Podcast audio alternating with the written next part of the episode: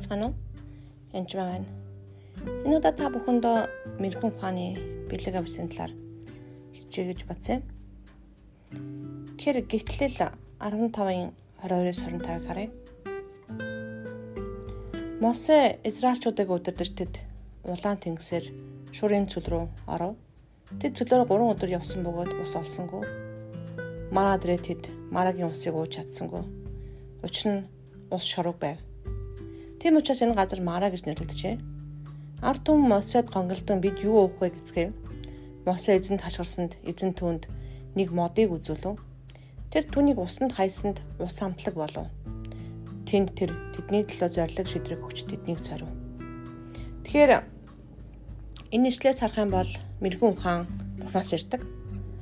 Тэгэхээр Мосе үнэхээр бурхантай байсан бөгөөд бурхан тунд шийдвэрүүдээ өгчээсэн. Амьдралд нь олон проблем боломжууд бас гарч байдаг бидний амьдралд. Энэ проблем гарсан байна.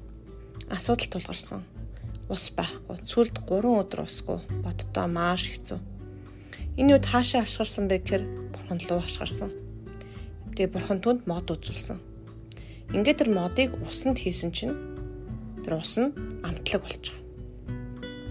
Ямар нэг модыг усанд хаяхаар ялангуяа шураг модонд шураг усны хаар тэр намтлаг болно гэдэг нь Бурхны мэрэгэн ухаан буюу стратеги байна. Зүгээр нэг зүйл биш. Энэ бол гайхамшгүй гайхамшиг. Тэгэхээр энийг Бурхны мэрэгэн ухаан бол бидний мэддэг бүхний мэрэгэн ухаанаас өөр зүйл шүү.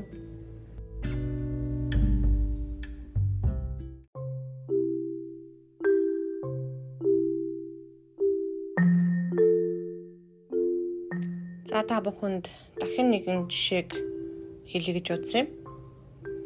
За 2 дугаар хаадын 4:38-аас 41. Энэ үед Илеша Гигал Гэлгал гэдэг руу буцаж гарч ирээд газар нутгад нүцгэлэн болсон байсан. Иш үзүүлэгч хөвгөө түүний өмнө сууцгааж байхад тэрээр зарцтай том тоогоо тавьж иш үзүүлэгч хөвгөдөд зориулан шүд буслаг гэж хэлв.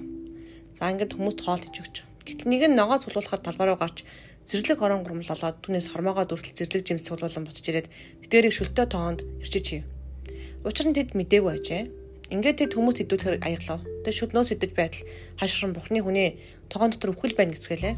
Тэд идэж чадахгүй байв. Харин Илэша гурал аваад ир гээд түүний тогоонд хийгээд хүмүүст аягалж өг.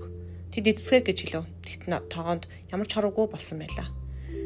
Хортой хоолнд гурал хийхээр идгэрдэг ямар ч онол байхгүй. Хортой гуралтай шүлэл болж хувирна. Гэтэл хор нь алга болсон байгаа.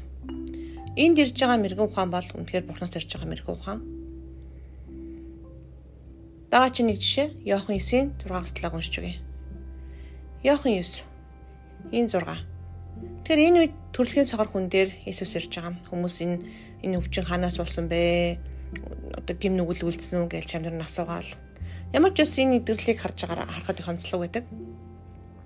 Ямар ч Иесус хэлээд тэр газар нулимж шүлсээрээ шавар зурж, өөрийнхөө шүлсээр шавар зурж, сохрын нүдийг шавраар шаваад яв Соломон буюу илгээгдсэн цөрөнд угаа гэж лв. Тэд явж угаагаа тараатай болж эргэж ирж байгаа.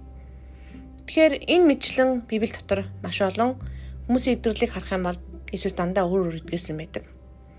Тэр бүх сохор хүн дээр л нүдийн шавраар шаваад идгэн гэсэн үг биш. Нэгэн удаа нурууны өвчтөе хүнийг би оо босоод ихвэрч гэсэн чи идгэрсэн. Тэгсэн чинь нуруу нөвшөө нэг залуу уу янжмаагч тэгж хэлжсэн юм чинь би ч гэсэн их хурцул зүгээр гэж бодоод бүр нуруугаа өвтгöd орилдсон байсан. Тэгээ залбирсан чи өөр асуудал байсан л да. Тэгэхээр Бурхны эмэрхэн ухаан яг проблем гарч ирэхэд ийм гэсэн шийдлийг өгдөг баг. Ингэж шийдэрээ. Заримдаа шавар зурна, заримдаа сүгээр угаана, заримдаа алхах нь, заримдаа зүгээр л хүндэрж орох нь, заримдаа харин өгөж орох нь.